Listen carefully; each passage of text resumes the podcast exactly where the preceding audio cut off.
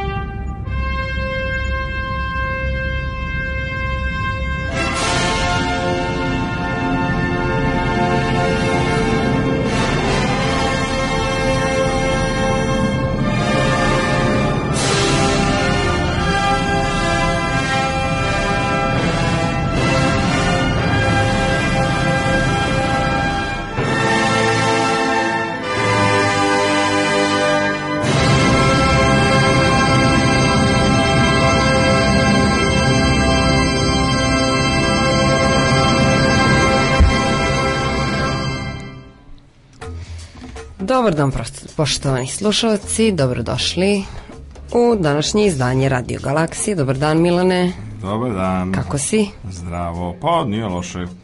Kako ti podnosiš e, zimsko vreme? E, Pa to su zimske radosti prosto. Ja, bravo, to je, to su apsolutno zim, e, zimske radosti. Ovaj, kad bi moglo negde da se stigne ovaj, u Beogradu po snegu, to je Pa- bilo divno, ali nažalost ne, tako da, ovaj, pa ja mislim da je vreme da nabavimo sanke. Apsolutno. Da svi polako nabavimo Sanke, pojene ovaj, sanke. Sa, ovaj, I onda da se pratimo- vuku i to tako, isto može. onako lepo, Može i to će biti jedan potpuno drugačiji grad Beograd. apsolutno. E, a danas nam nije 42. nego 43. mislim. E pa jeste, jeste, napredujemo, polako ali sigurno.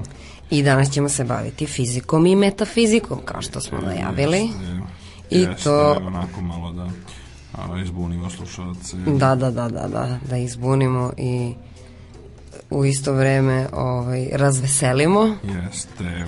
ali pre svega vesti. Pa da, da vidimo ima li šta novo. Dakle, ovaj, ima raznih novosti mm, iz sveta nauke i prva novost nam stiže dakle, iz Holandije, ovaj, gde se nalazi jedan jako interesantan institut za istraživanje svemira koji je gde se ljudi bave radioastronomijom visoke preciznosti i e, jedna od stvari koja je e, objavljena na e, upravo juče e, dakle bilo je da je precizno izmerena po prvi put. Ranije su postojale neke procene, ali po prvi put je izmerena precizna udaljenost između sunčevog sistema i sistema V404 Cygni u sadržaju Labud. Sad zašto je interesantan taj sistem?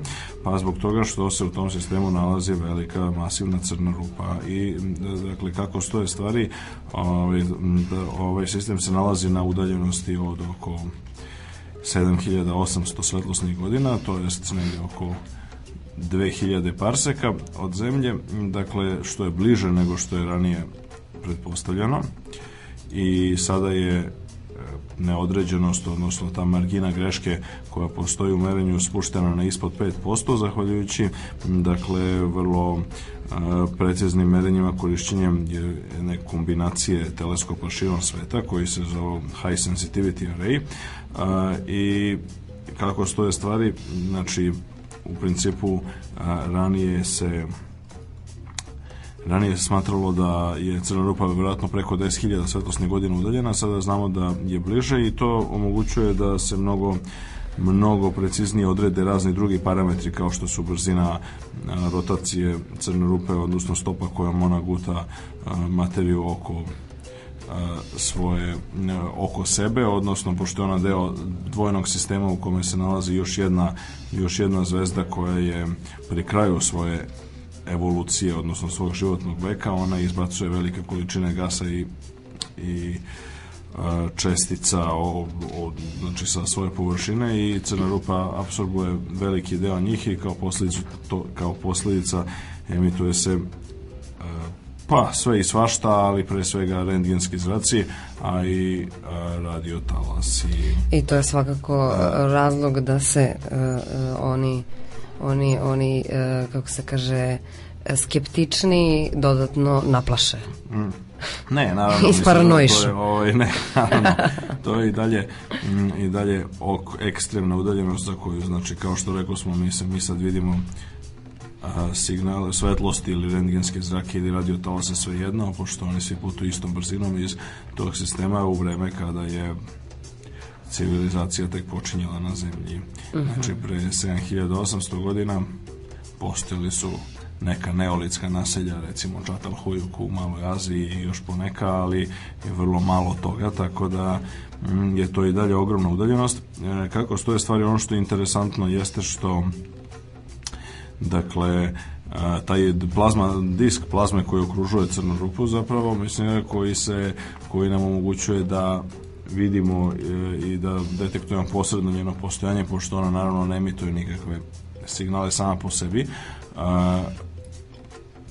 Ono što vidimo jeste zapravo, mi se zove taj gas koji upada, koji se zagreva mm, i zrači dok upada u crnu rupu i ono što je ono što je takođe interesantno jeste da može da se na osnovu ovih merenja može se procene još razne stvari kao na primjer mislim kolika je brzina koju je kao posljedica davnašnje eksplozije supernove koja je ta zvezda koja je danas crna rupa je pre bila normalna zvezda samo jako velike mase koja je eksplodirala kao supernova i onda je to jezgro kolapsiralo i stvorilo crnu rupu a u toj eksploziji koja se ne odigrava jednakim intenzitetom na sve strane, a obično dođe znači pomalo je asimetrična kao posljedica jeli, očuvanja očuvanja količine kretanja onda kad se izbaci više kad više nešto eksplodira na jednu stranu onda ostatak znači sama crna rupa dobije što bi se reklo impuls odnosno neki, ne, neku, neku brzinu kretanja na suprotnu stranu. Tako da mi možemo procenimo sad da ta brzina od oko 40 km u sekundi koju znači ima ceo taj sistem. Znači crna rupa plus normalna zvezda koja postoji u, u, u sistemu je dobio ekstra brzinu kao posljedica te davnašnje eksplozije koja se davno desila. Tako da sve u svemu uopšte naše razumevanje zvezdane evolucije, posebno tih ekstremnih faza kao što su crne rupe je sve bolje i bolje i korišćenjem ovih novih radioteleskopa, a boga mi i ovih raznih drugih stvari kao što su teleskopi koji rade u rentgenskom, ultraljubičastom i infracrvenom dijapazonu možemo da dobijemo mnogo više informacija na tu temu. To... A to nas direktno vodi i do naredne vesti, uh. -huh. ovaj, a to je da je novi infracrveni teleskop upravo lansiran u ponedeljak. Mm. Znači, u ponedeljak je, mi se zove NASA lansirala znači, na misiju koja je predviđena da traje 10 meseci, a je takozvani Wide, infra, Wide Field Infrared Survey Explorers pod skraćenicom WISE i sad pošto ljudi vole tako uh, fancy skraćenice, se zove onda je ovo jedna koja, koja baš odgovara tome. WISE treba da se izbači nije Delta 2 raketom i iz baze Vandenberg u Kaliforniji koja je a, uh, znači i treba da se da kruži po polarnoj orbiti, znači oko zemljenih polova, negde na visini od oko 550 do 600 km, tako da će odande imati prilike da posmatra nebo u infracrvenom zračenju sa osetljivošću koja je pa procenjuje se, mislim, zove oko stotinak puta bolja nego što su bili prethodni prethodni infracrveni teleskopi, odnosno, mislim, zapravo ima smisla porediti ovaj uređaj WISE sa uređajem koji je bio aktivan tokom 80. godina i to je takozvani IRAS koji je bio jako korisna misija i ono, doneo ogromne količine podataka zahvaljujući sposobnosti da napravi da napravi sken, odnosno katalog infracrvenih izvora na celom nebu. Znači ima dovoljno veliki ugaono pokrivanje da može da da pokrije celo nebo. I sad kako stoje stvari u ovih dvadesetak i nešto godina je tehnologija detektora jako napredovala, tako da mi sad imamo znatno osetljivije detektore i Vajs će napraviti tokom tih 10 meseci kako stoje stvari ako sve bude po planu, napravit će znači katalog, novi infracrveni katalog svih objekata na nebu, to je jako korisno iz mnogo razloga, a, a dakle bukvalno objekti najrazličitijih vrsta, svi mogući mogu da se pronađu ultimativno u, tom, u tim infracrvenim katalozima, počevo od objekata kao što su recimo zvezde malih masa ili čak oni ostaci smeđi patuljci koji su zapravo nešto između planeta i zvezda, znači objekti su više mali da bi sijali svojim sjajem normalnim, a opet su više veliki da bi smatrali planetama, recimo oni mogu da se vide u infracrvenom, pa onda i verovatno njih ima jako mnogo i neki mogu biti čak i vrlo blizu sunčanom sistemu, a da ostanu neprimećeni, pošto zrače samo infracrveno i to prilično slabo tako da je interesantno pitanje da li ima neki koji je Brown smeđi patuljak ili Brown patuljak koji je bliži od najbliže poznate zvezde Alfa Centauri.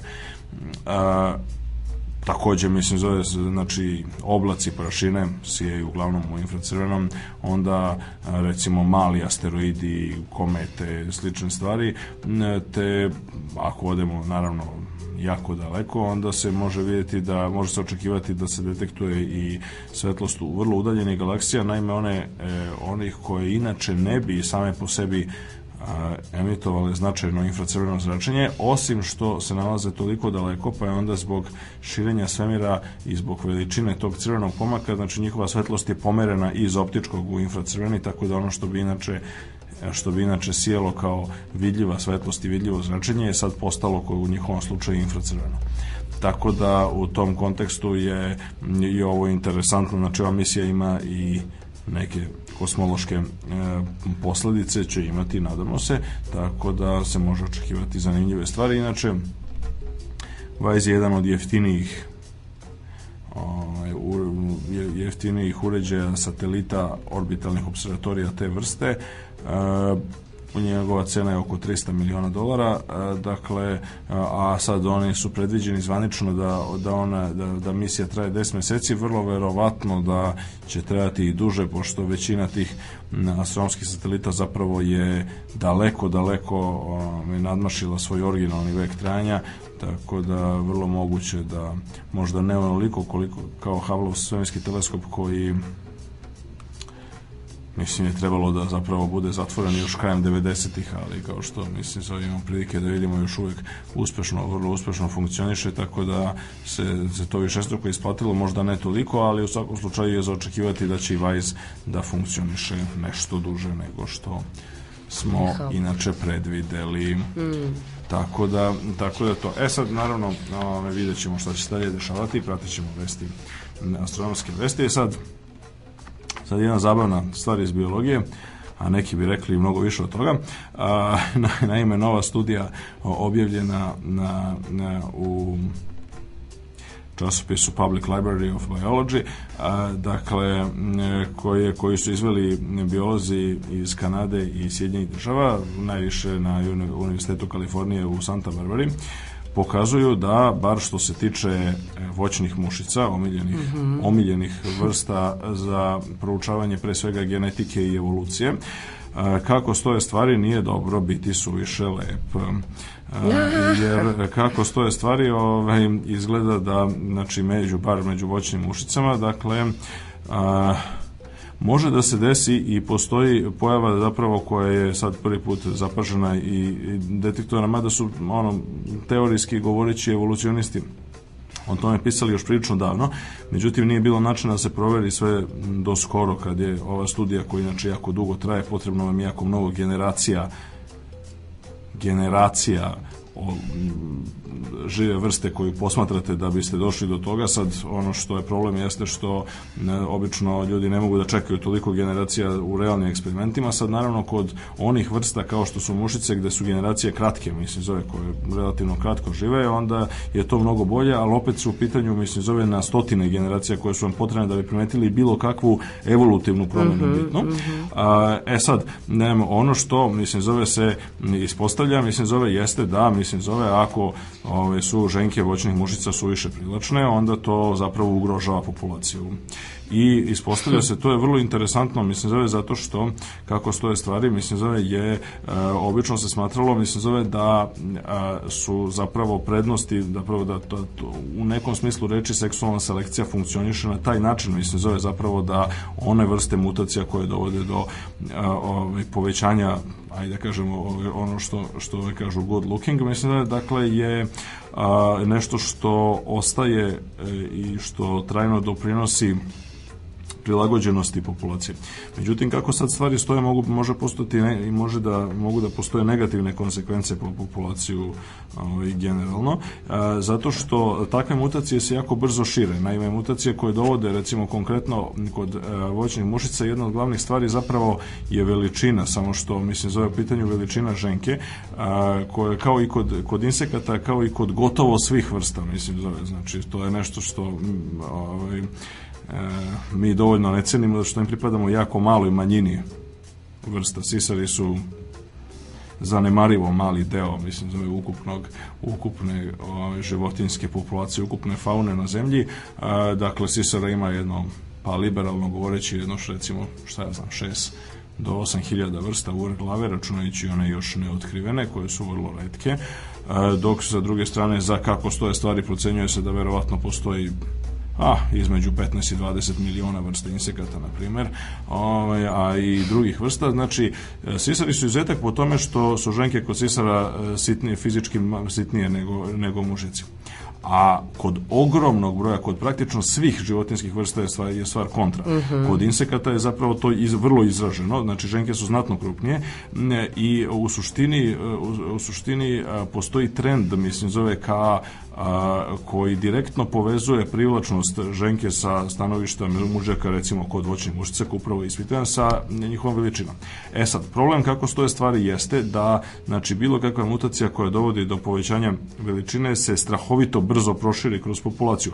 E, međutim, kako stoje stvari ako se ako se to zaista, mislim zove, ako taj trend se nastavi, onda u jednom momentu dođe do nekakvog kritičnog, e, dođe do kritične veličine, nakon čega zapravo je e, u toj meri, mislim, zove zapravo otežana, normalna, normalna procedura e, udvaranja i normalna procedura razmnožavanja je otežana zato što jednostavno ta radius privlačnosti je tako velike, mislim zove da, e, e, da te izrazito velike ženke privlače jako mnogo mužjaka i kao posljedica toga, mislim zove zapravo realno imaju manje potomstva nego što e, je slučaj u drugim populacijama. A to je dakle I a, ono što ono što je znači ovi eksperimenti pokazuju jasno da zapravo ono što se do je a, znači ono što se ranije smatralo kao nesumnjivom evolutivnom adaptacijom i povećanjem prilagođenosti na sredinu zapravo je to samo do određene mere.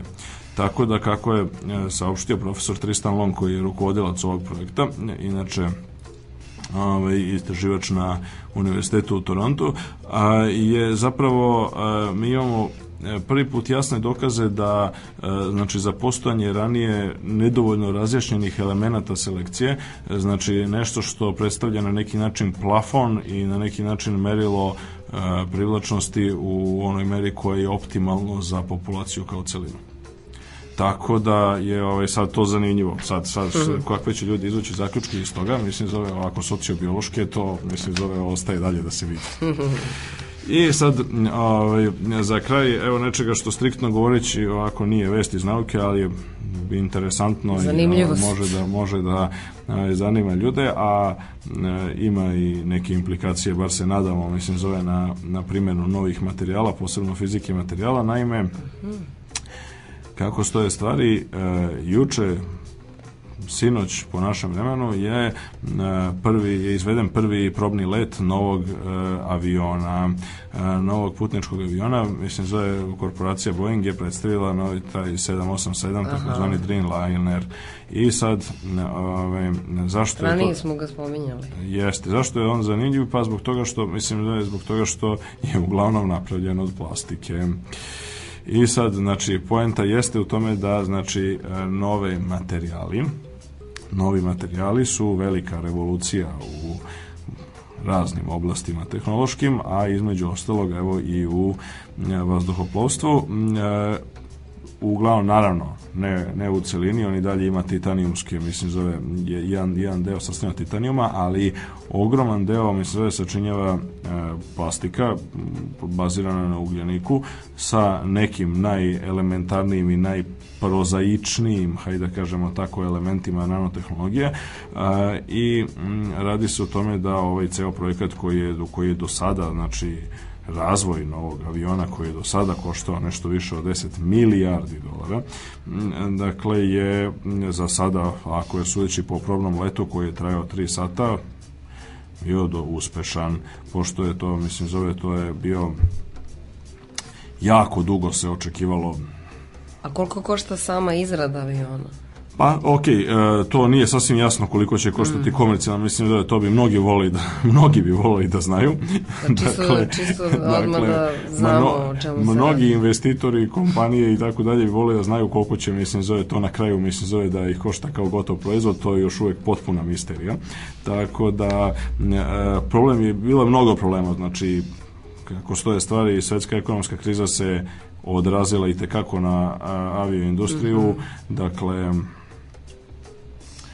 između ostalog Boeingove akcije su, su pale 38% mislim zove ili tako nešto ovaj, bile tokom protekle godine i mislim zove sve u svemu je, mm, je to bilo mislim zove ovaj, generalno prilično teško vreme. Kao što znamo Airbus ima velikih problema sa ovim A350 ovim super jumbo dvospratnim avionom koji je završen funkcioniše prodaje leti ali ima mnogo manje kupaca nego što se originalno očekivalo.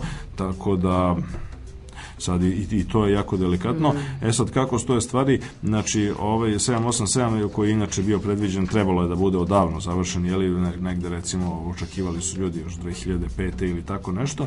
Ovaj prvi probni let je je E, dakle bio vrlo uspešan s tim što sad sledi ono što sledi mislim zove jeste između 9 i 12 meseci testova znači sličnih probnih letova kako stoje stvari za sada postoji ta prva mini flota od šest ovih novih aviona a oni će narednih, narednih kažem nešto manje od godinu dana neprestano mislim zove da, da lete i da se testiraju i da se vidi mislim da se vide svi ono detalji koji moraju da se vide mhm. kako stoje stvari mislim ima čitav niz zanimljivih zanimljivih inovacija koje se očekuju bar pa mislim to, zove to, to. u ovome jedna stvar je da dakle jedna, jedna od stvari onako interesantnih čisto za za putnike recimo jeste da će na primer po postojeće kontinu, ima, ima kontinuirani a, kontinuirano pomeranje odnosno a, povećavanje i smanjivanje prozračnosti a, prozora na primjer, prozori će, mislim, zove čak po originalnoj ideji izuzimati, mislim, zove mnogo, biti mnogo veći, a mhm. moći će da se, moći će da se zatamnjuju i osvetljuju, sam materijal će postajati tamniji i svetliji, mislim, zove u zavisnosti od želja putnika, na primjer. Mhm. A, a, čitav, niz, čitav niz drugih nekih inovacija, međutim, najvažnija jeste upravo ideja da a, zbog a, cena goriva pre svega koje su apsolutno dominantni faktor. Ovaj avion koji je lakši mislim mnogo lakši u odnosu na znači po jedinici korisnog tereta odnosno po putniku ili po jedinici ovaj kargo tereta koji prenosi će očekuje se da će zapravo omogućiti značajne uštede u potrošnji goriva. E sad, da li će se to i ostvariti i kada i u kojoj meri, da, da li će biti a, dovoljno, što se kaže, potražnje na tržištu za, za ovim novim avionima, to ostaje da se vidi. Mhm. -huh. To je velika misterija, znači brojni, brojne zemlje, brojne kompanije širom sveta, brojni investitori vrlo pažljivo prate ovaj, situaciju i ljudi su, mislim, zove bili onako što se kaže na, na, na iglama, mislim, zove sedeli sve do, do juče kad je, eto, mislim, zove se ispostavilo da će avion definitivno biti razvijen, e sad ono, ka, kojim tempom i kako će, koliko će koliko će uspeti da bude i komercijalno mm -hmm. uspešan, ostaje da se vidi. Ok, malo muzike.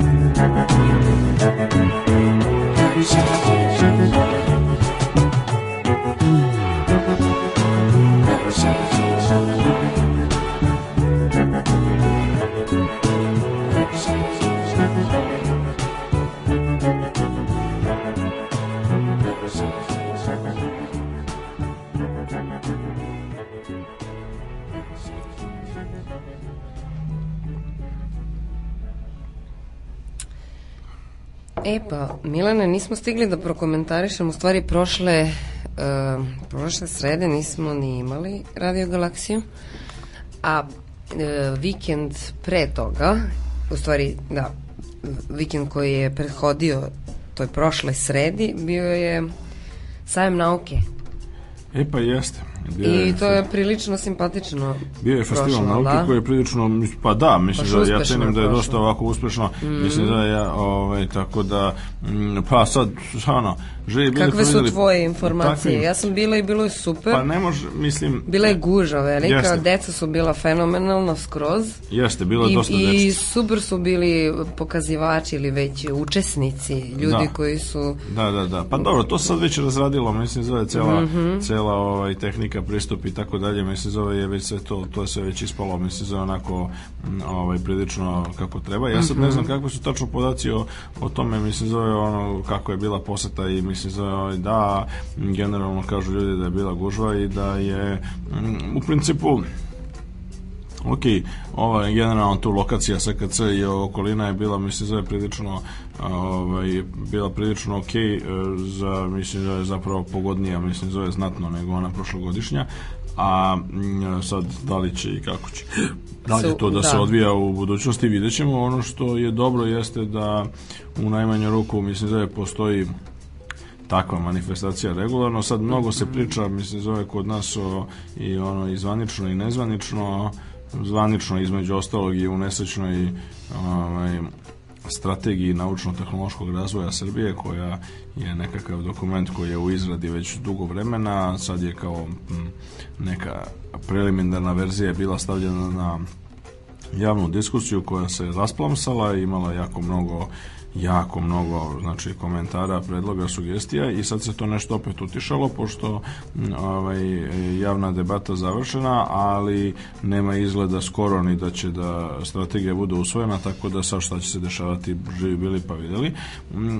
Ali tamo se isto recimo Bog zna kako ističe neophodnost ovaj, i podrška mislim zove zvanična takvim e, dešavanjima akcijama i da, da te stvari ne budu samo ili par dana, nego da e, pa se ovaj, to možda nego da se ovaj u Beogradu kao i u mnogim drugim gradovima širom sveta, velikima, boga mi po nekim, u nekim slučajima i sasvim malim, se ovaj, napravi ozbiljan muzej nauke. E sad, da li će to biti i kako će biti, to je mnogo teško s obzirom na čitav niz bizarnih stvari koje, koje, koje postoje kod nas, između ostalog, to je sad jedna velika i teška tema, prosto mm -hmm. ovaj, prosto čak i depresivna ovaj, kao što znamo terana depresija kao što znamo mislim zove, znamo šta se dešava odnosno šta se ne dešava u Narodnom muzeju znamo da Narodna biblioteka ne funkcioniše već x meseci, mm -hmm. da ne kažem godina, mislim da je sam muzej savremene umetnosti takođe, dakle muzeji koji su nekakvim e, idiotskim e, komunističkim, staljinističkim zakonom stavljeni svi pod nadležnost Ministarstva kulture, a Ministarstvo kulture po definiciji u Srbiji gotovo nikad nema nikakve pare i onda kao posljedica toga mislim što je potpuno paradoksalno pošto e, inače muzeji su mislim u celom svetu inače ovaj između ostalog istraživačke ustanove znači aha, ozbiljni aha. muzeji se bave znači kao što znamo mislim zove ozbiljnim muzejima bilo koji ozbiljan muzej u svetu Metropolitan ma da, ne, ne, je britanski muzej Hermitage šta god dakle oni se oni manji, se bave da. istraživanjima u oblasti e, istorije umetnosti u oblasti arheologije u oblasti prirodnjački muzeji širom sveta reče recimo Natural History muzeum u South Kensingtonu u Londonu, najveći na svetu, mislim kao deo, mislim deo cele e, strukture Britanskog muzeja, jedna od najprestižnijih institucija u oblasti klasične biologije na svetu istraživački. E sad, Znači tu direktno mi imamo problem što mi zapravo ne možemo da u Srbiji nema šanse kako zove da se definiše bilo kakav ozbiljan znači naučni program po mu, muzejima iz prostog razloga što je eto tako nekom uredbom mislim zove ono Edvarda Kardelja ili ne znam već koga mislim zove su muzeji stavljeni u okvir ministarstva kulture a u ministarstvu kulture jednostavno nema ne postoji čak i u najbolje vremena ne postoji apsolutno nikakvo razumevanje za ovaj, upravo taj bitan istraživački kapacitet muzeja. Druga stvar, mislim zove ovaj muzej nauke, mislim koji formalno na papiru postoji u Beogradu, mislim zove u realnosti ne postoji. Na papiru postoji, na papiru ima i lokaciju na Dorčulu, ali jednostavno ne funkcioniše i ne radi. Za razliku od, dobro, eto, kao Narodnog muzeja i Narodne biblioteke koji bar u nekim vremenima kojih se sad prisećamo, mada ove mlađe generacije pitanje da li se i prisećaju, mislim zove su bar radili nešto, mislim zove i ovaj, imali su adekvatnu posetu, a e, muzej nauke nažalost nema ništa. Sad osim, osim što postoji lep projekat, mislim zove nove zgrade. E, projekat nove zgrade, mislim, zove za koji je pokojni gradonačelnik Nenad Bogdanović angažovao velikog svetskog arhitektu Slovenca Borisa Podreku koji je jedan od ljudi koji su recimo radili rekonstrukciju Firence na primer, mislim zove gradskog jezgra Firence, čitav niz drugih stvari. Znači jedan od ono najvećih autoriteta. On je izradio projekat, niko živi ne zna koliko to košta, u svakom čaju užasno koštalo, napravio prezentaciju bio koktel u Skupštini grada ima DVD, mislim zove sa sve trodimenzionalnim modelima kako bi trebala zgrada da izgleda, on je to uradio fantastično profesionalno sve kao što se i očekuje I na tome To je je ostalo, to. znači sad imamo na DVD-u, imamo virtualni muzej nauke, mislim zove se da li će to i ostati tako, ovaj, ostaje se vidi, najverovatnije hoće, pošto otprilike od kada je nažalost gradonačelnik Bogdanović preminuo prerano, ovaj, izgleda da je to bio onako neki, neki, ovaj, neki onako, on je gajio neku ličnu ljubav prema tom projektu i toj ideji, ali ovaj, nakon toga više ni traga, ni glasa, niti bilo ko išta pominje, bilo ko priča, mislim zove bilo šta na tu temu. Sad se to diskutuje oko raznih drugih, mislim svako malo bude neka neka medijska, mislim zove tako halabuka, mislim jedno tri dana, ove, a onda nakon toga nakon toga prestane.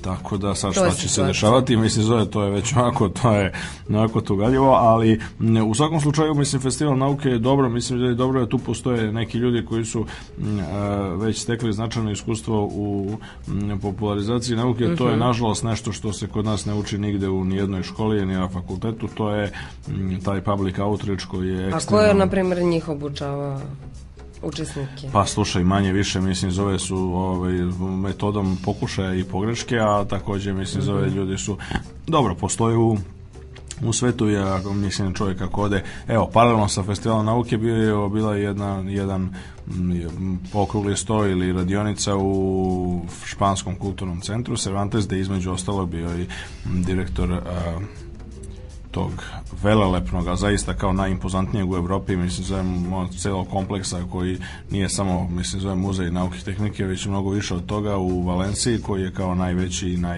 najatraktivniji na svetu sa ne znam koliko stotina hektara, mislim zove prostora izložbenog i sa bog zna kako, mislim zove ovaj, interesantnom i avangardnom arhitekturom i slično, tako da je bila o tome, mislim zove neka diskusija, tako da u svetu i tekako, mislim zove ima mnogo programa u Evropi i u Evropskoj uniji i u svetu generalno ima mnogo programa m, a, koji se bave time na jako ozbiljan način, a ono što Mm, ono, inače uzbečano to je sad u Valenciji postala glavna, mislim, glavna turistička atrakcija. Apsolutno najviše ljudi, mislim, zove dolazi u Valenciju baš zato da bi, da bi posetili tamošnji tamošnji muzej nauke, a, odnosno ceo, ja sam zaboravio tačno kako se zove ceo taj kompleks, ima, neke, ima neko posebno ime. Mm, Ono što je mm, ono što je zanimljivo jeste da a, da o, je zapravo em, u nekom smislu reči ljudi su mislim to, po- m, to, to jeste svetski problem znači nedostatak promocije i popularizacije naučnih rezultata, zato se recimo za svi projekti Europske komisije koji se dodeljuju za istraživačke svrhe imaju obaveznu stavku koju morate da navedete tamo, mislim da je to je da znači jedan deo sredstava mora da se fondova mora da se izdvoji za popularizaciju, kako oni to kažu, dissemination, promotion and popularization of scientific results.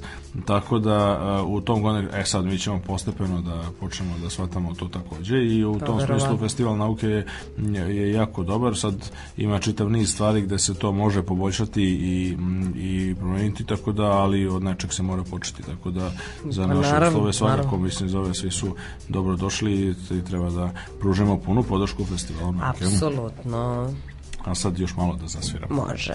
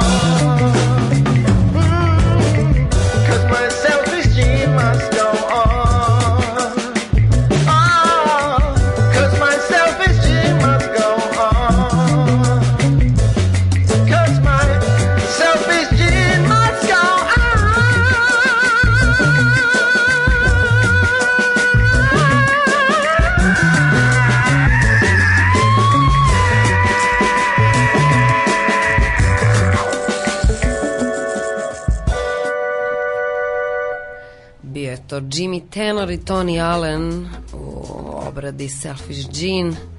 A mi konačno prelazimo na glavnu temu danas, a ona je fizika i metafizika.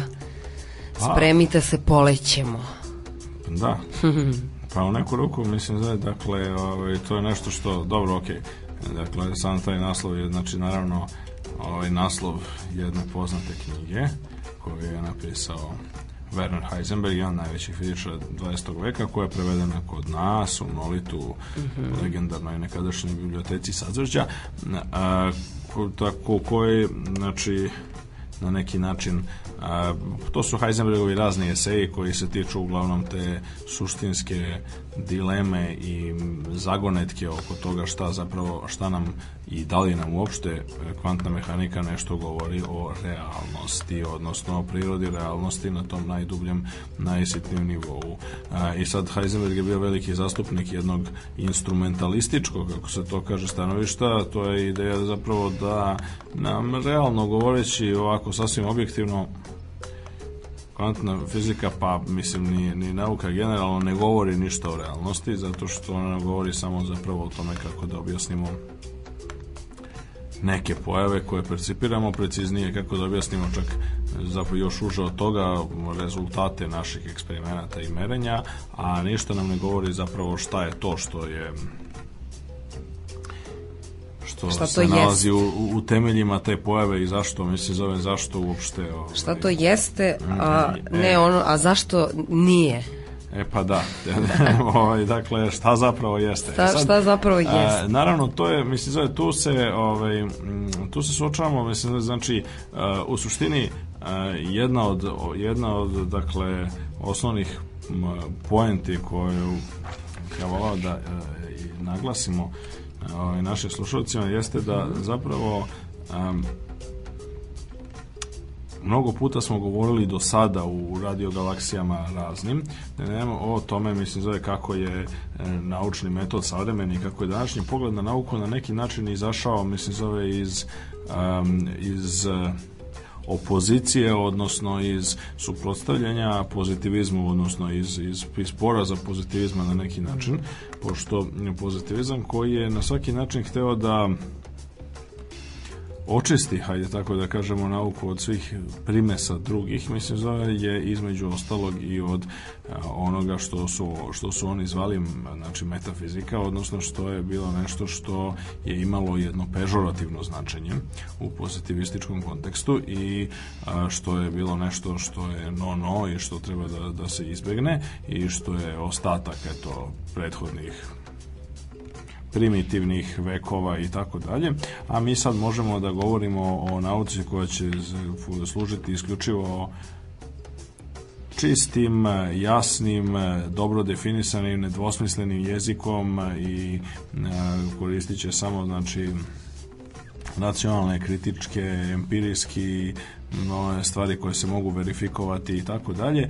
I sad cela ta cela ta onako m, jedna ajde da kažemo o, jedna sterilizovana aseptička mislim zove slika nauke kao neke vrste mislim zove tako o, dobro definisanog formalnog sistema je doživela krah mislim zove kad se pokazalo već negde od 1935. Na, nadalje da e, zapravo pozitivizama posebno mislim zove osnovna poenta pozitivizma koja je bila u suštini izjednačavanje istinitih sudova, istinitih iskaza sa naučnim iskazima je se pokazala kao promašena i zapravo sve ove postpozitivističke epistemologije, bez obzira koliko se međusobno razlikovale, zapravo one su jedinstvene po tome da mi ne možemo zapravo da, da taj, i ne samo što ne možemo, nego ne treba ni da težimo o tome, mislim zove da imamo taj pozitivistički ideal, mislim zove neke čiste nauke, nečega što je u potpunosti empirijski proverljivo. Zapravo na neki način to se znalo, naravno veliki umovi su to znali ranije, mislim bez obzira na, na naše ove, probleme da to definišemo jasno, ekspliciramo, da to postavimo na neke formalne temelje. Ljudi su i ranije znali da zapravo realna nauka je mnogo ovako složenija i mnogo manje, mnogo neuhvatljivija nego što je bilo koja vrsta algoritma ili sistema i tako dalje kojim su hteli da je pozitivisti podvrgnu. E, te u tom smislu je, su ljudi znali da se inspiracija, da se mnogo otkrića mogu postići ono i u snu i u ne znam, taransu i u, ovaj, u izmenjenim to, to. stanjima svesti i kako god već, tako da to se veoma često dešavalo.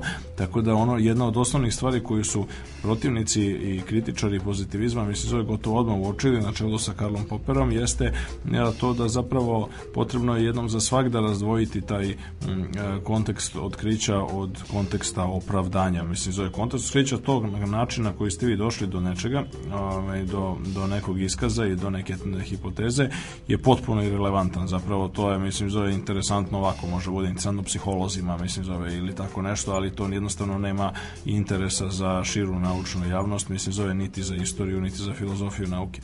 Ono što ima interesa je, to je, jeste kontekst opravdanja, to je šta ćete vi onda da radite, mislim, šta vi onda radite kada ste jednom došli do vaše hipoteze. A, te u tom smislu reči, znači, u kontekstu otkrića, znači, ljudi se mogu biti motivisani najrazličitijim stvarima, uključujući i potpuno nenaučne i van naučne stvari. Da, jedna od bitnih uh, posledica jedna od bitnih posljedica zapravo a, poraza pozitivizma jeste koja nažalost još uvijek nije u potpunosti doprla mislim zove do a, ono, javnosti posebno do medija popularno naučnih knjiga, filmova i slično a, jeste činjenica da znači ako su oni jednom odustali od te ideje da a, su naučni iskazi nužno istiniti onda jednostavno besmisleno dodavati taj, taj atribut naučni mislim o čemu smo govorili dosta puta u prethodnim radiogalaksijama potpuni idiotizam reklamirati mislim za ove stvari kao što je ono naučno je dokazano da Merix pere tri puta brže od Ariela i tako dalje. Mislim zove znači taj atribut naučni je potpuno suvišan i mislim zove zapravo predstavlja ostatak da. i relikt mislim zove te pozitivističke ere davno prošle pre 70 godina samo što to ono u medijima i u ovim ovim reklamnim institucijama nisu još shvatili. Mislim zove da je Znači, da su ovi, ovi, ovi kreatori reklama i tako dalje još nisu razumeli, mislim, zove da je pozitivizam deo prošlosti, mislim, zove isto kao i feudalizam, recimo.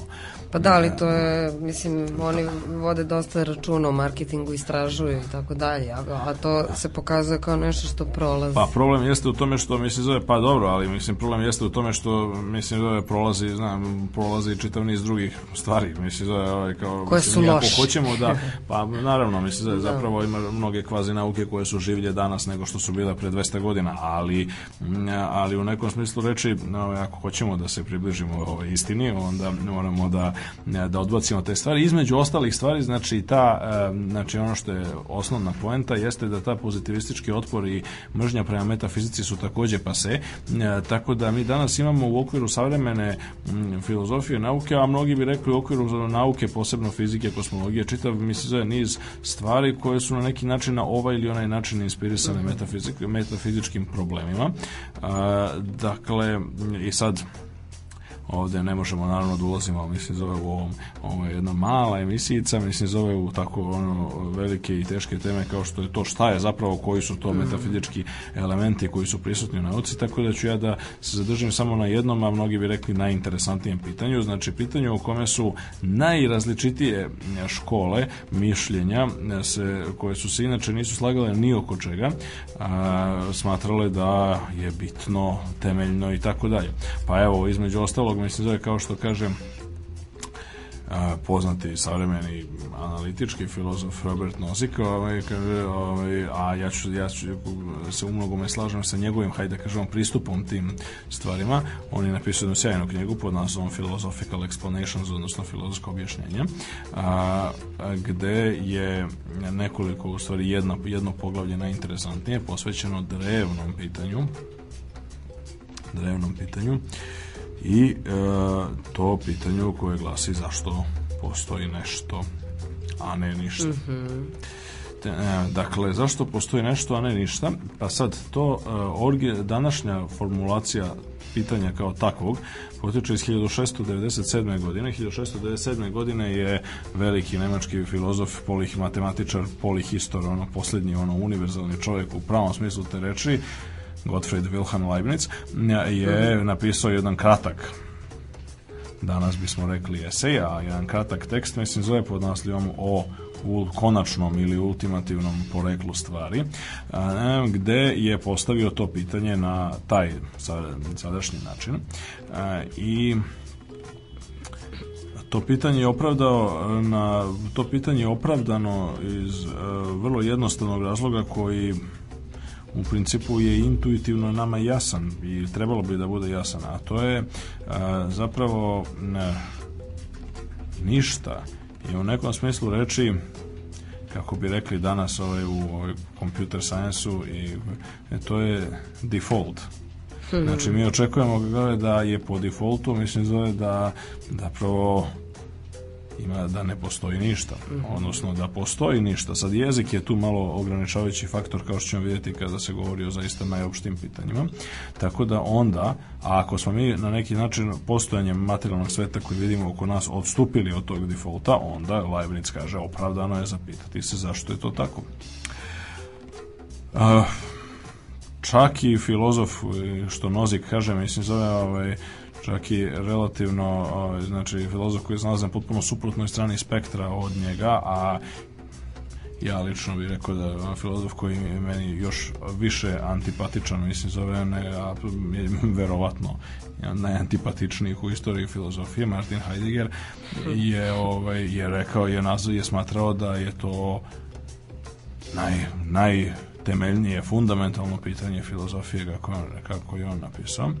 Nažalost, ne dajevši neko dalje i ozbiljnije, ozbiljniji pokušaj da nam pokaže kako bi se njega moglo odgovoriti.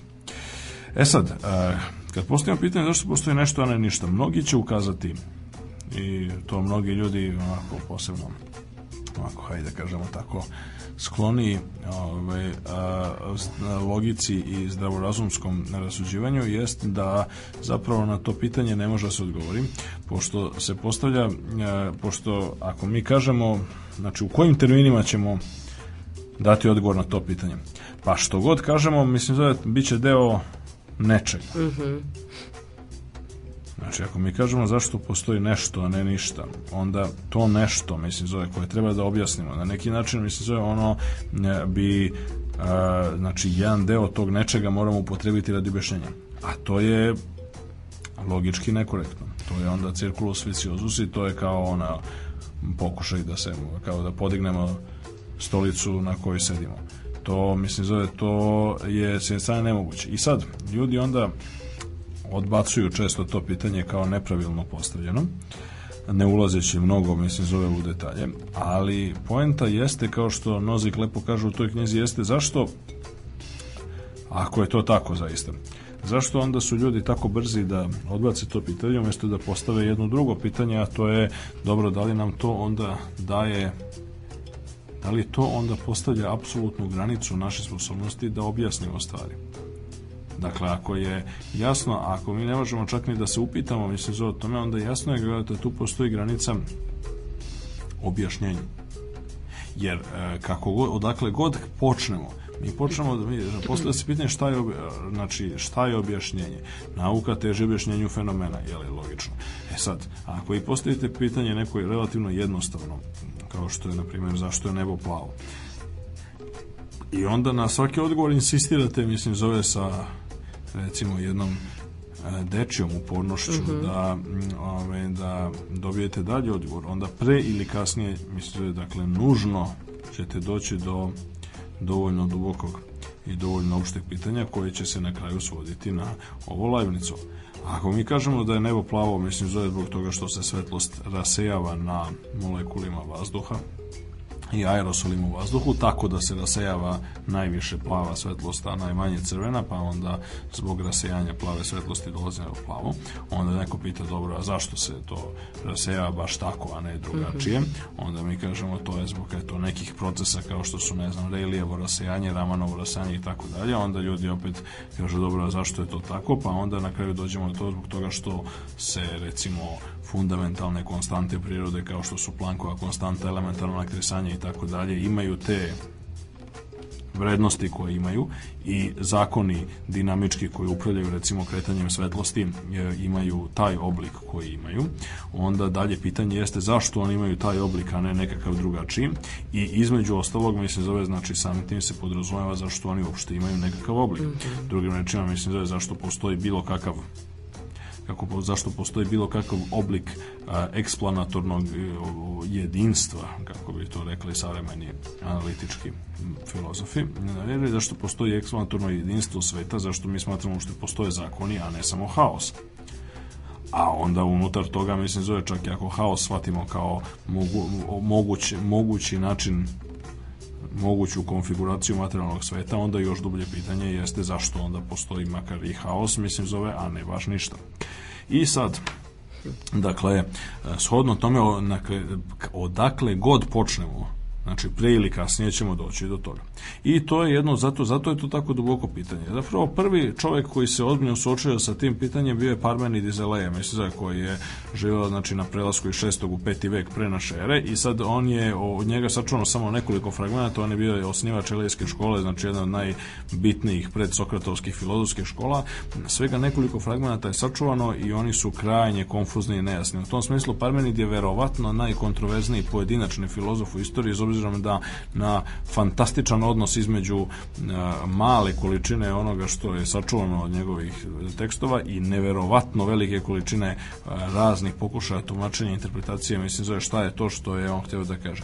Još u Maltene u njegovo doba, mislim zove, je, je to bilo kontroverzno. Njegovi učenici, mislim zove, koji, odnosno cela ta elejska škola koja je uključivala njegovog najpoznatijeg učenika Zenona iz Eleja, autora poznatih paradoksa protiv mnoštva i kretanja, Melisa sa Samosa još neke, a, postoji legenda koja je, verova, koja je samo legenda o tome da je Parmenid pod stare dane oko, oko u svoj negde oko 65. i 70. godini posetio Atinu i da se zajedno sa svojim učenikom Zenonom i da se tom prilikom sreo sa nekim mladim atinskim intelektualcem, između ostalog i veoma mladim Sokratom i sad to je ovako više legenda, to se verovatno nije desilo ali nem, ali je ta legendu iskoristio Platon za dijalog Parmenid, u svoj e, dijalog Parmenid koji je po opštem konsenzusu najkomplikovaniji i najteži Platonov dijalog od svih i zato što a, i isto vreme baš zato što se on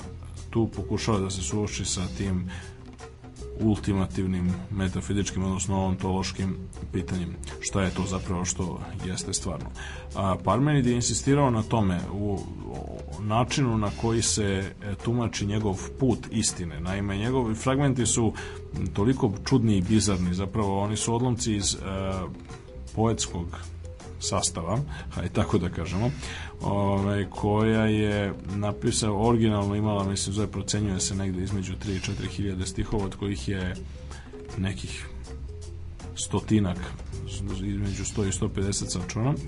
A, sačuvan je jedan deo na početku, mislim zove gde se kaže da eto boginja je pozvala Parmeni da, da mu saopšti istinu i onda mu je ukazala na to da postoje tri puta, od kojih je samo jedan put istine, nasuprot onome što a, misle ljudi generalno, a, a put istine jeste taj kako, e, kako se tamo kaže, jeste da mi možemo govoriti samo o stvarima koje jesu o, samo o stvarima koje postoje. Tako da od, zapravo a, poenta je m, e, Parmenid je zamišljao da ono što mi vidimo oko nas, znači empirijski svet našeg čulnog iskustva i ono čime se bave empirijske discipline je zapravo iluzija, a postoji samo jedno, mislim, zove jedinstveno biće i on je bio zagovornik tog najekstremnijeg oblika monizma koji je na neki način postavio u, u nekom smislu reči postavio taj jedan ekstrem koji je ostao tokom čitave istorije e, metafizičkog mišljenja ostao na, na jednom polu e,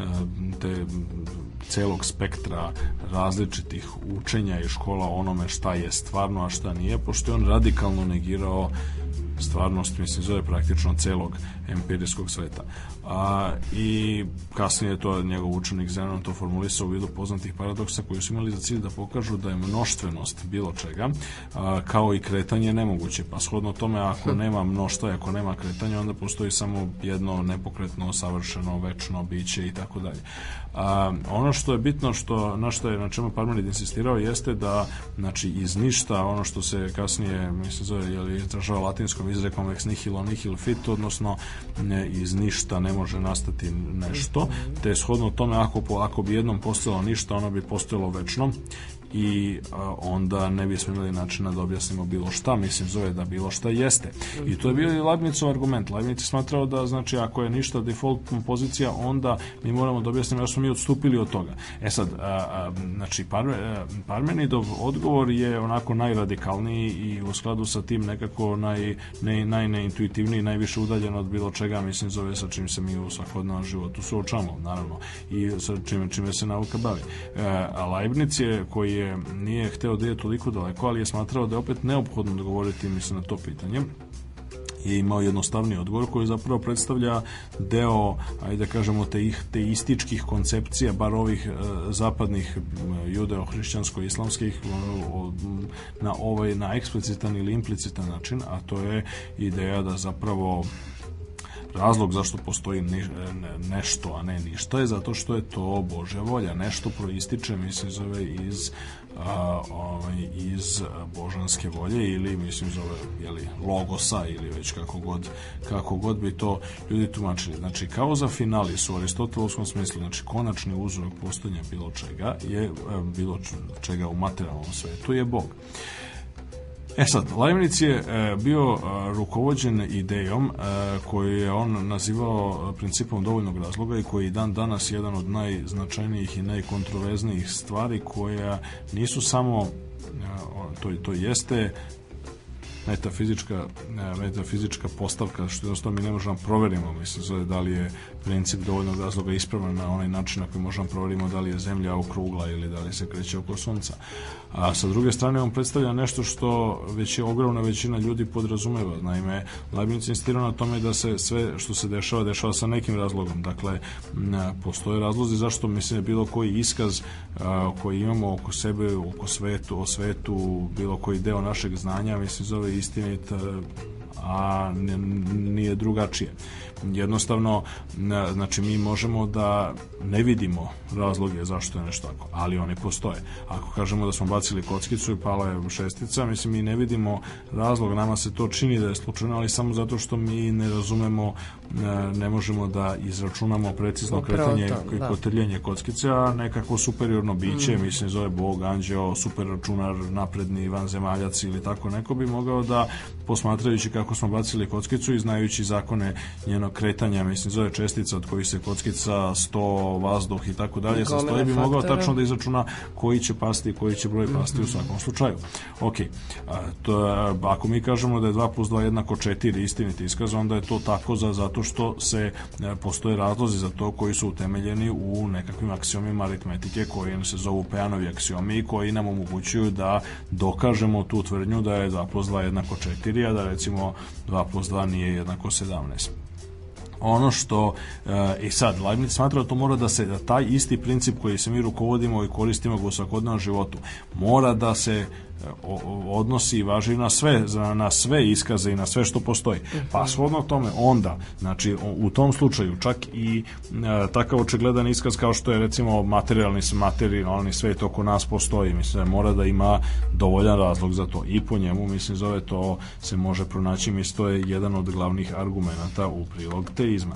E sad kasnije naravno mnogi ljudi su to osporavali i današnja uh, metafizika, ova, uh, znači, aj, hajde da kažemo ozbiljna analitička metafizika je, je su ljudi, mislim, zove, znači, brojni brojni savremeni filozofi kao što je već pomenuti Robert Nozick, kao što je kao što su recimo Adolf Greenbaum, mislim kao što je Peter van Inwagen i mnogi drugi, su a, se tome pristupaju ipak na drugačiji način zato što a, se postavlja pitanje da li je moguće da ti mislim zove jedan naturalistički naturalistički hajde da kažemo osvrt u najmanju ruku mislim zove na na to pitanje. I onda se suočavamo sa veoma čudnom situacijom, zato što a, kako recimo Nozik baš kaže u toj knjizi, mi ne možemo da očekujemo da odgovor na tako duboko pitanje bude prirodan,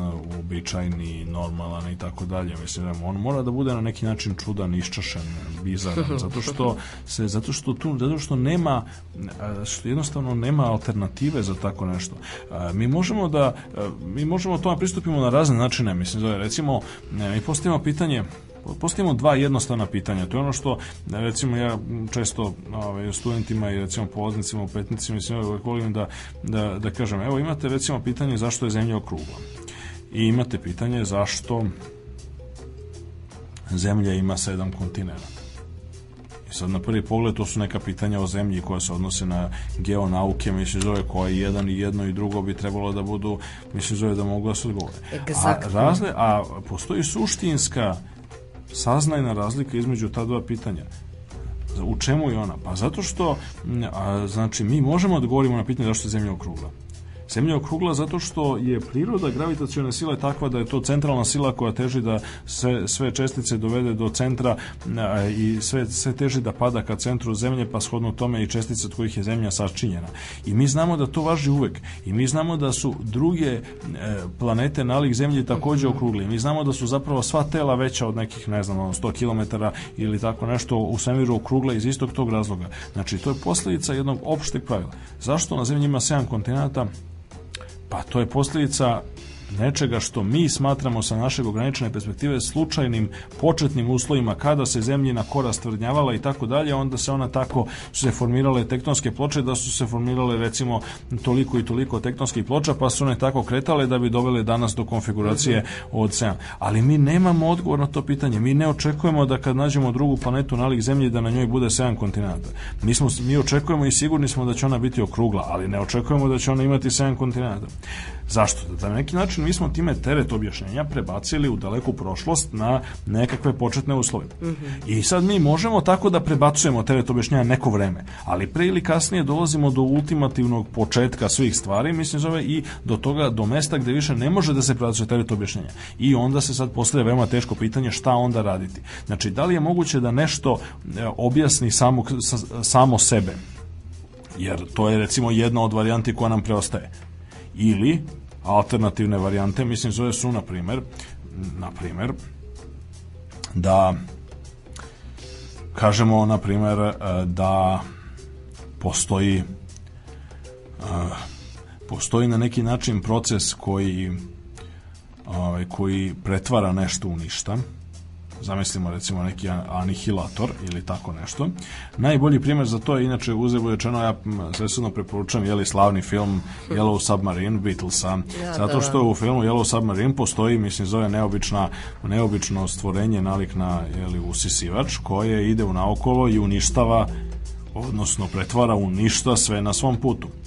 I ona tako pretvara u ništa, pretvara u ništa sve. Ali na kraju jednom momentu, mislim, zove ova, ova fantomska pretnja, mislim, zove se, on, ona se konačno okreće sama ka sebi. I onda ona samu sebe poništi i onda iz toga proizilazi, mislim, zove, od, od toga odjednom nastaje čitav veliki šareni svet. E pa, ako je moguće, mislim, zove, recimo, to je, na primjer, jedna od varijanti gde bi se putem samo referencije moglo objasniti, moglo završiti potpuno iščašena, naravno, mislim, potpuno suluda, ali na koji bi se mogao završiti taj eksplanatorni lanac koji ne možemo da završimo. A, naravno ima još luđih, a neki rekli još interesantnih objašnjenja. Jedno od njih su ta, daju takozvane egalitarne metafizičke teorije, koje zapravo nam sugerišu da je pitanje zašto postoji nešto, a ne ništa, pogrešno pitanje, jer e, zapravo ono što se podrazumeva u pitanju mislim jednostavno nije tačno. Nije tačno da ne postoji ništa.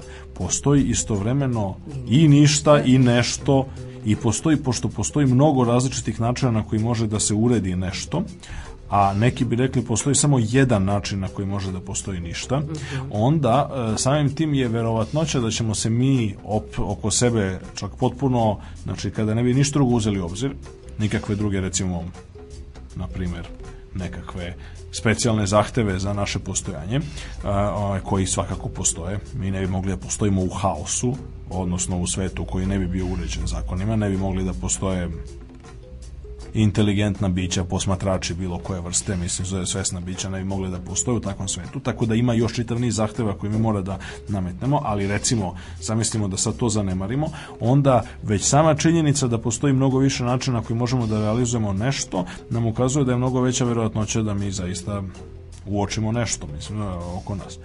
I sad, to je početak to je početak čitavog niza doktrina koje se nazivaju znači tim egalitarnim metafizičkim ili ontološkim teorijama, od kojih je meni lično najinteresantnija ona koja se naziva modalni realizam i koju je, e, ovaj, koju je formulisao jedan od ovako neopevanih likova i ovako intelektualnih e, džinova nedovoljno poznatih 20. veka, američki filozof David Lewis, ali o njemu, mislim, nakon jedne pauze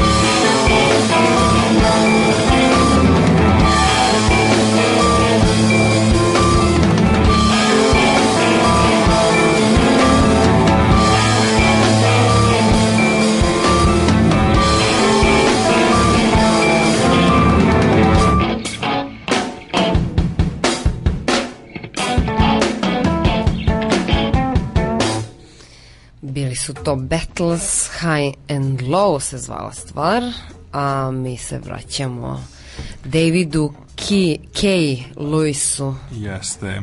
savremenom Jeste. metafizičaru Eh, dakle, dakle, i David vreme je da ga upoznamo. Jeste, David Lewis je bio veoma zanimljiv lik i on je na neki način na neki način pravi dokaz u kojoj meri je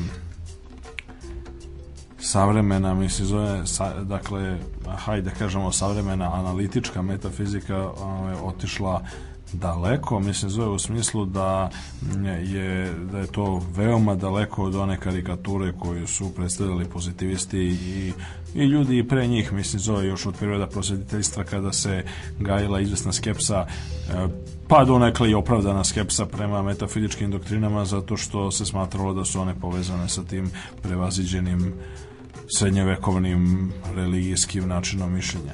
A, ono što je međutim slučaj jeste da David Lewis baš pokazuje mislim da je kako je moguće raditi jednu živahnu um, tako razvijenu, preciznu, detaljnu, logičnu i nada sve interesantnu metafiziku. I uopšte, mislim, za 20. vekovnu filozofiju koja je, koja nije nekakva dosadna ovaj, gomila nekakvih prašnjavih debelih knjiga ili tako nešto, nešto onako hegelijansko, mislim, zove što, što na što ljudi vrlo često pomisle kad, uopšte, kad se uopšte radi o filozofskim pitanjima generalno. Luis je rođen 1941. godine ovaj, u malom gradiću Oberlinu u američkoj saveznoj državi Ohio i preminuo je nažalost 2001. i u suštini jedan, jedan deo njegovih rezultata je evo znači objavljen tek u 21. veku znači nakon njegove smrti i u principu tek od tada zapravo bio je on cenjen u krugovima analitičke filozofije i ranije ali zapravo tek posthumno je počinje da dobija i dobija sve više, sve više priznanja ima sve veći uticaj na, na, na, na savremenu filozofiju on je uh, on je bio Uh, studirao je jedno vreme u Oksfordu, ko verovatno najznačajnijem centru analitičke, znači anglosaksonske filozofske škole i tamo je između ostalog slušao predavanja nekih od velikana 20. vekovne misli kao što su Gilbert Ryle ili Peter Strawson uh, i onda nakon toga je se vratio u Sjedinje države i doktorirao na Harvardu 1967. gde mu je mentor bio poznati Willard Van Ormond Quine, poznat po recimo D.M. Quineovoj tezi i još nekim bitnim bitnim rezultatima u epistemologiji. E sad, Lewis je na neki način, kako to već obično biva, kao dobar učenik se žestoko pobunio protiv ova ideja svog učitelja, tako da je kasnije, mislim, zove jedan, jedan deo svog ovaj, opusa posveti upravo kritici Quainovih ideja.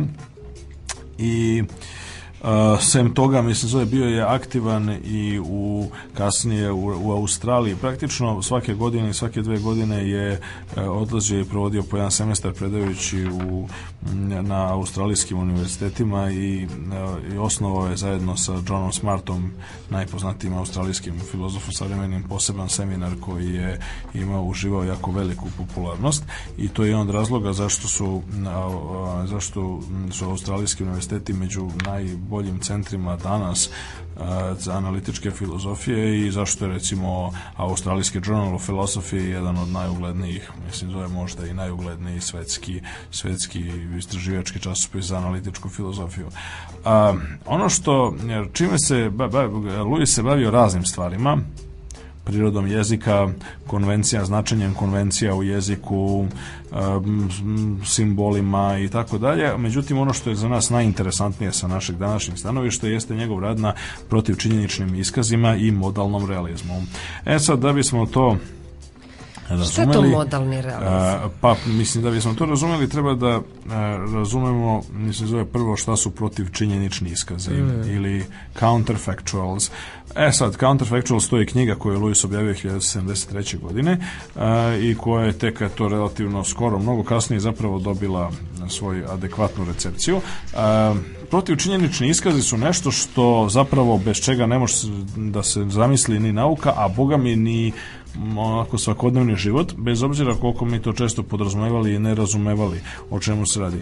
Pa, a, mi kad objašnjavamo nešto, Mi ne možemo nikad da objasnimo stvari izolovano. Mi ne kažemo zašto A. E, ono što mi zapravo pokušavamo da, da uradimo i za- ako objašnjenje je dobro jeste da kažemo zašto A, a ne B, C ili D. E sad šta su B, C ili D? Pa B, C ili D su nekakve a, logički zamislive, ali neostvarene mogućnosti. Zašto je ze- zemlja okrugla? Pri čemu podrazumemo da mi objašnjamo zašto je zemlja okrugla, a ne četvrtasta kockasta u obliku piramide, kupe ili tako dalje nekog drugog oblika. I mi onda uspešno to objasnimo na osnovu delovanja dinamičkog zakona gravitacije. A, e, mi a, čitav niz drugih stvari znači objašnjamo isključivo u vidu objašnjavanja jedne alternative u kontekstu onih drugih koje su zapravo protiv činjenične alternative. Ali čak i više od toga. Ljudi se svakodnevno koriste protiv činjeničnim iskazima, mislim da je. Kad čovjek kaže, mislim, zove nešto onaj, da je da nije pao sneg, mislim, zove ne bih zakasnio ili zakasnila na posao. To je Aha, aha. jasan protivčinjenični iskaz zato što je e sad ovo je, to je dobar primer zato što nama se čini imamo i to je na to je ovaj Luis ukazao vrlo jasno i to predstavlja njegov onako centralni argument ovaj, u prilog cele metafizičke doktrine nama se čini da kad mi kažemo da nije pao sneg saobraćaj bi bolje funkcionisao da je to istina ali striktno logički gledano, striktno logički gledano mi ne možemo da dodelimo, mi ne možemo da utvrdimo da dodelimo istinitost vrednost tom sudu. Zato što jednostavno nisu zadovoljen, nije zadovoljen preduslov. Pošto je sneg pao, onda nije zadovoljen onaj preduslov, mislim zove koji kaže je li da nije pao sneg, onda bi bilo, znači, ok, kako ćemo mi da pomirimo naše intuitivno razumevanje da su neki protivčinjenični iskazi istiniti, a neki drugi opet recimo da ja kažem da nije pao sneg, ne znam, m, ono, Pera bi bio izabran za predsjednika. To očigledno, mislim, zove nije, ovaj, to nije istinito. U onom smislu, ili nam se ne čini istinito, u onom smislu u kome nam se čini ovaj prethodni, Prethodni, prethodni primjeri. E sad, kako da pomirimo to? Pa, Luis kaže, pravo rešenje toga jeste da pretpostavimo da su protivčinjenični iskazi podjednako istiniti ili neistiniti kao i bilo koji drugi. E sad, kako to može da bude kad očigledno da se u našem svetu je sneg ili pao ili nije pao? E, pa odgovor je u tome, kaže Luis, zato što mi ne treba da smatramo da je naš aktuelni svet, to vidimo sve što postoji. Ne, nego kaže naš svet je samo deo velike porodice svetova, mislim zove u kome u jednom delu je pao snega, a u drugom pak nije. I onda su u jedno onda su negde u tom multiverzumu kako bi rekli danas je negde su znači protivčinjenični iskazi su su istiniti ili neistiniti. E sad oni iskazi koji su, e, kako bismo to rekli, nužne istine, ili oni iskazi koji su analitički tačni, kao što je recimo da je 2 plus 2 jednako 4 i druge vrste matematičkih i ono, logičkih istina, oni su istiniti u svim svetovima. A svi ostali iskazi su istiniti u nekim svetovima, a u nekim drugim nisu. Znači svi ostali, nezavisno od toga da li ih mi, mi ih samo, mi pravimo razliku između toga da li su iskazi uobičajeni, faktički ili su protivčinjenični. To je, to je samo naša, izraz naše perspektive, pošto mi nastanjujemo jedan svet koji je on nazvao aktualnim, a ovi drugi su podjednako realni po Luisu i po toj njegovoj doktrini ta doktrina dobila je naziv modalni realizam zato što je to doktrina o postojanju jako velikog broja stvarnih svetova. E sad kasnije su neki ljudi došli pa ublažili to, rekli su to je suviše radikalno, mislim zove pa mislim ne treba to tako, mislim Luis je naravno branio, mislim da tu svoju doktrinu i do smrti i kasnije u ovim nekim radijama obiljenim posthumno. Ima ljudi koji su takođe velikih mislioca kao što je Sol Kripke koji su onda rekli mislim zove mi ne treba da razmišljamo o tim svetovima kao stvarnim nego samo kao mogućim. I onda je on razvio čitav formalizam mogućih svetova u kojem koji nam omogućuju da govorimo da pridodajemo e, pridodajemo e, formalno istinitost istinit, istinu ili istinitost ili neistinitost ovaj, raznim iskazima svim ali, ali ne govori, nas ne obavezuje na to da moramo da prihvatimo postojanje ogromnog mnoštva mnoštva paralelnih svetova. U suštini e, ta je, to je negde, ajde da kažemo nešto na pola puta, ali tu je u svakom slučaju je cela rasprava koja se dan danas vrlo živahno vodi o tome, je inspirisana Luisovim radom. Luis je sam branio beskompromisno, mislim, zove ideju punog, pravog modalnog realizma, a to je da su svi logički zamislivi svetovi realni i da shodno tome mislim zove nije realno samo ono što je kontradiktorno mislim zove ono što je što je nelogično. Nije realno mislim zove da očekivati da postoji svet u kome će 2 plus 2 biti jednako 17 znači ali sa druge strane svet u kome je ne znam Pera predsednik mislim zove ili Žika ili Mika mislim zove naravno sasvim ok zato što zato što to se zato što je to potpuno logično i konzistentno. E sad što to mi ne percipiramo to samo znači da mi ne živimo u tom svetu i da taj svet nije aktualan za nas, a to ne znači da je on manje realan. I uh, u suštini, doktrina modalnog realizma predstavlja jedan od najrazvijenijih, možda i najrazvijeniji i onako najdetaljniji, možda i najozbiljniji odgovor na Leibnicovo pitanje o tome zašto postoji nešto, a ne ništa.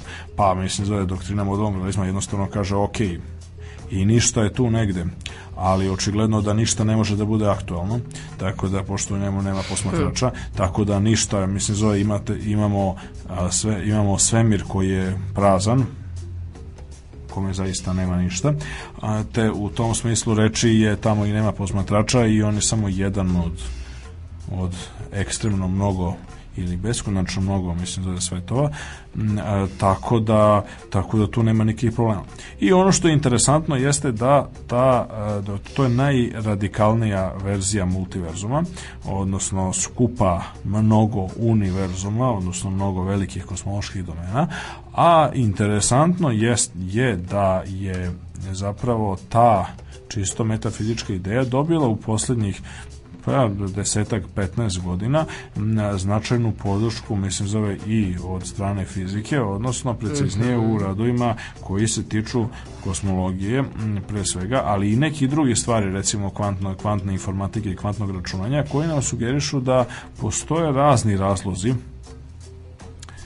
koji su obično i često suviše tehničke prirode da bismo u njih sad ulazili, da zaista verujemo da postoji mnoštvo drugih kosmoloških domena nezavisnih od našeg.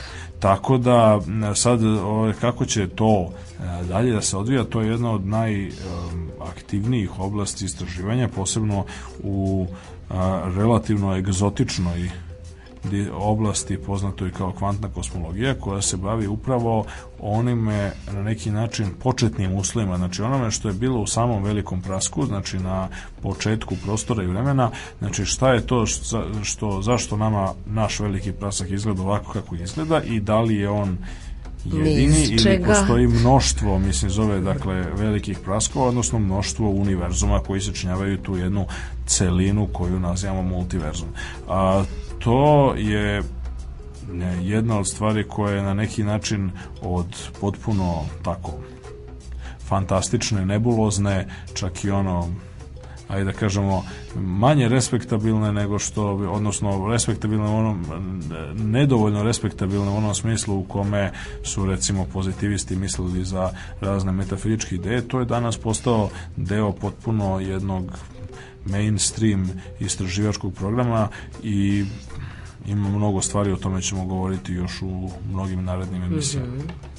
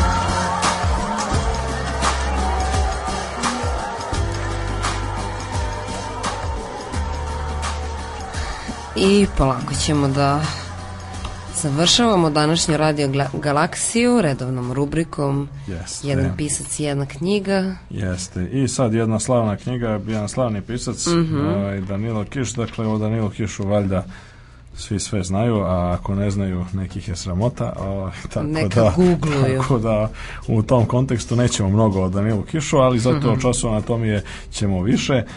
Dakle, pošto Čas anatomije je jedna čudna knjiga, mi smo do sad imali a, uglavnom a, što prozu, a pomalo i poezije ponekad, mislim, a ovo je ovo nije ni jedno ni drugo, mislim moglo bi se smatrati eseistikom, mada nije ni eseistika u striktnom smislu te reči, to je više jedna onako m, polemika i ono rasprava o, o, o nama i o aferama i slično. Naime, radi se o Kišovom zapravo odgovoru na jednu potpuno bizarnu kampanju koja je vođena protiv njega i njegove knjige Grobnica za Borisa Davidovića negde 1976. 77. godine. Znači, to je bilo davno doba ono poznog titoizma koje je negde je onako sve i svašta, mislim, zove se e, tu delovalo, ali jednostavno je, bez obzira koliko se mi trsili da smo bili napredniji od zemalja istočnog bloka i Varšavskog pakta u pogledu je li tolerancije prema disidentstvu i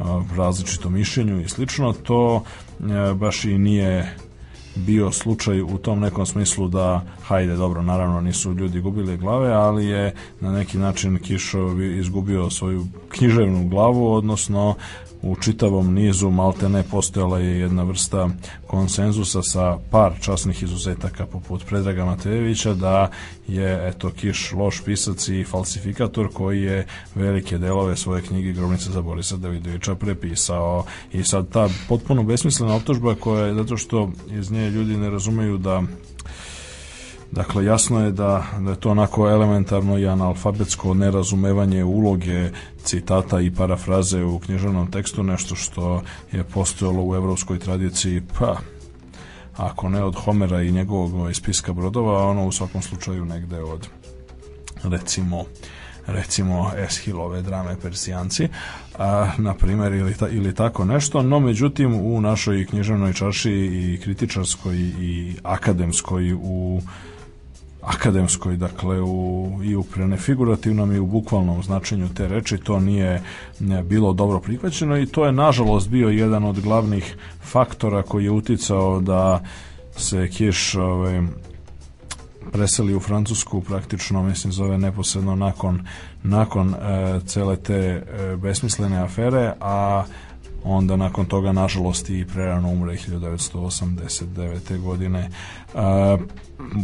čas anatomije je neki način e, ne samo Kišov odgovor kritičarima, nego i jedna vrsta vrlo korisnog e, pa učbenika bih rekao samo da to ne, ne zvuči onako suviše dosadno, a čas anatomije je sve drugo samo ne dosadan. A, naprotiv, to je izuzetno zabavno, duhovito štivo, ali ono što je osnovna jedna pedagoška i propedeutička poenta ovde jeste da zapravo on pokazuje bogatstvo i e, na neki način širinu spektra savremene književnosti i to radi na dva plana. Ima jedan deo gde ima čitav niz odlomaka iz e, ozbiljnih teorijskih radova posvećenih velikim piscima kao što su Tomas Mann, Ivo Andrić i slično koji gde pokazuje da su da kod svih tih nalazimo začetke onoga mislim zove što je kasnije ne samo Kiš nego i drugi savremeni moderni pisci primenjivao u svojim delima a takođe mislim zove i zapravo razmatra u čemu je razlog, mislim zove zašto, u čemu su razlozi zbog čega avangardna e, dela i zbog čega e, književnost koja je znači inovativna i, i savremena ne ilazi na toliki otpor, mislim zove u mnogim krajevima i mnogim krugovima, a između ostalog, evo i baš na tu temu, jedan prilično karakterističan. U stvari ne toliko karakterističan, ovo je više diskurzivni, ima, ima u času na tom je neobično smešnih dijaloga, komentara, mislim zove odlomaka i, i citata iz ove Kišovih protivnika, posebno Miodraga Botovića i Dragana Jeremića, a, koji su bili ovako zvezde naše, naše scene dugo vremena, nažalost. A, tako da, međutim, evo jednog, jednog odlomka koji je koristan zato što ne odnosi se samo na književnu kritiku, mada naravno mislim zove se Kiš ovde bavi pre svega književnom kritikom, odnosi se i na druge stvari i na ono što smo govorili o popularizaciji nauke mm -hmm. i na mnoge, mnoge druge stvari. Tako da za kraj jedan odlom. Inače časno na tome ima više izdanja. Kod nas sećamo evo mislim zove ja imam ovo relativno lepo izdanje još iz 1990. Svetlosti iz Sarajeva, a inače ima čitav niz drugi ima ima nekoliko izdanja da, tako da, da se može može pronaći. Osnovno obeležje naše kritike jeste njena anti-individualistička tendencija. Odatle ta stalna potreba za generacijskim pristupom određenim književnim delima a ta antiindividualistička tendencija posledica je u prvom redu sociološkog pristupa fenomenima, jer po tom i takvom sociološkom pristupu kolektivno delo nije individualni proizvod nego kolektivni, kao narodna pesma. Knjige određene tendencije ne piše pojedinac, nego su one, ako ne baš iz glave cijeloga naroda, a ono se delo rodilo u jednom određenom trenutku društveno-političke klime, te kao takvo ono ne može imati individualni pečat, nego samo kolektivni i kolektivistički. I ne samo to, Tim se generacijskim i kolektivističkim duhom uravnilovke ubija vrednost i značenje svake knjige, svakog individualnog glasa. Jedna se knjiga rastače drugom, dobra prosečnom, odlična lošom, sadržinska vrednost jedne ubija se formalnim nesavršenstvom druge i obratno. Negativni poeni jedne pripisuju se pozitivnim poenima druge, plus i minus se potiru, dakle opet nije ničeg bilo. I tu nikakvog rizika ni za koga nema. U prvom redu ne za kritičara. Što je dao jednom, uzeo je drugom, on nema nameru da arbitrira, on ne stoji ni za koga, ni za jednog dela, osim, naravno, po nekog klasika, sve je poravnato, sve je sivo ili posuto sivom bojom, prekriveno kamuflažnom ciradom, sve je poravnato kao u francuskom vrtu, sve je posečeno što štrči, sve je minimizirano, obezveđeno, sve je pod navodnicima pozitivno. Naša je književna kritika zapravo književna vlast i ona kao takva ne služi književnosti, književnost služi njoj, književnička siva masa samo je izgovor za njeno postojanje, jer kako može taj neki kritičar da služi književnosti da se počinje njenim zakonima i da u njoj nalazi svoj smisao, kada on smatra da je procenjivanje dela stepen više u semantičkom polju, pa taj ko može da presudi, taj valjda može i da napiše takvo delo o kojem sudi. A ako to ne čini, to ne čini samo zbog toga što on to smatra bagatelom, on se bavi suštinom, a pisti se bave tricama i kućinama, koje on potom raspliće i stavlja njihovo mesto. Kritičari su uz to čuvari dvorskih pečata, titularni savjetnici koji su uz titulu i visoke činovničke plate dobili ili se prave da su dobili zaduženje da održavaju francuski vrt i da obeležavaju aleje. I to što taj francuski vrt sve više liči na groblje, to je u prvom redu njihova zasluga. Kritika uzela na sebe ne samo prerogative cenzure i vlasti, nego je svojim mahinacijama jednom zauvek isključila i čitaoca kao jednog od mogućih arbitara. Ne negacijom, ne poricanjem, ne vrednovanjem, nego uravnilovkom, tim svesnim i upornim obezveđivanjem i relativizacijom.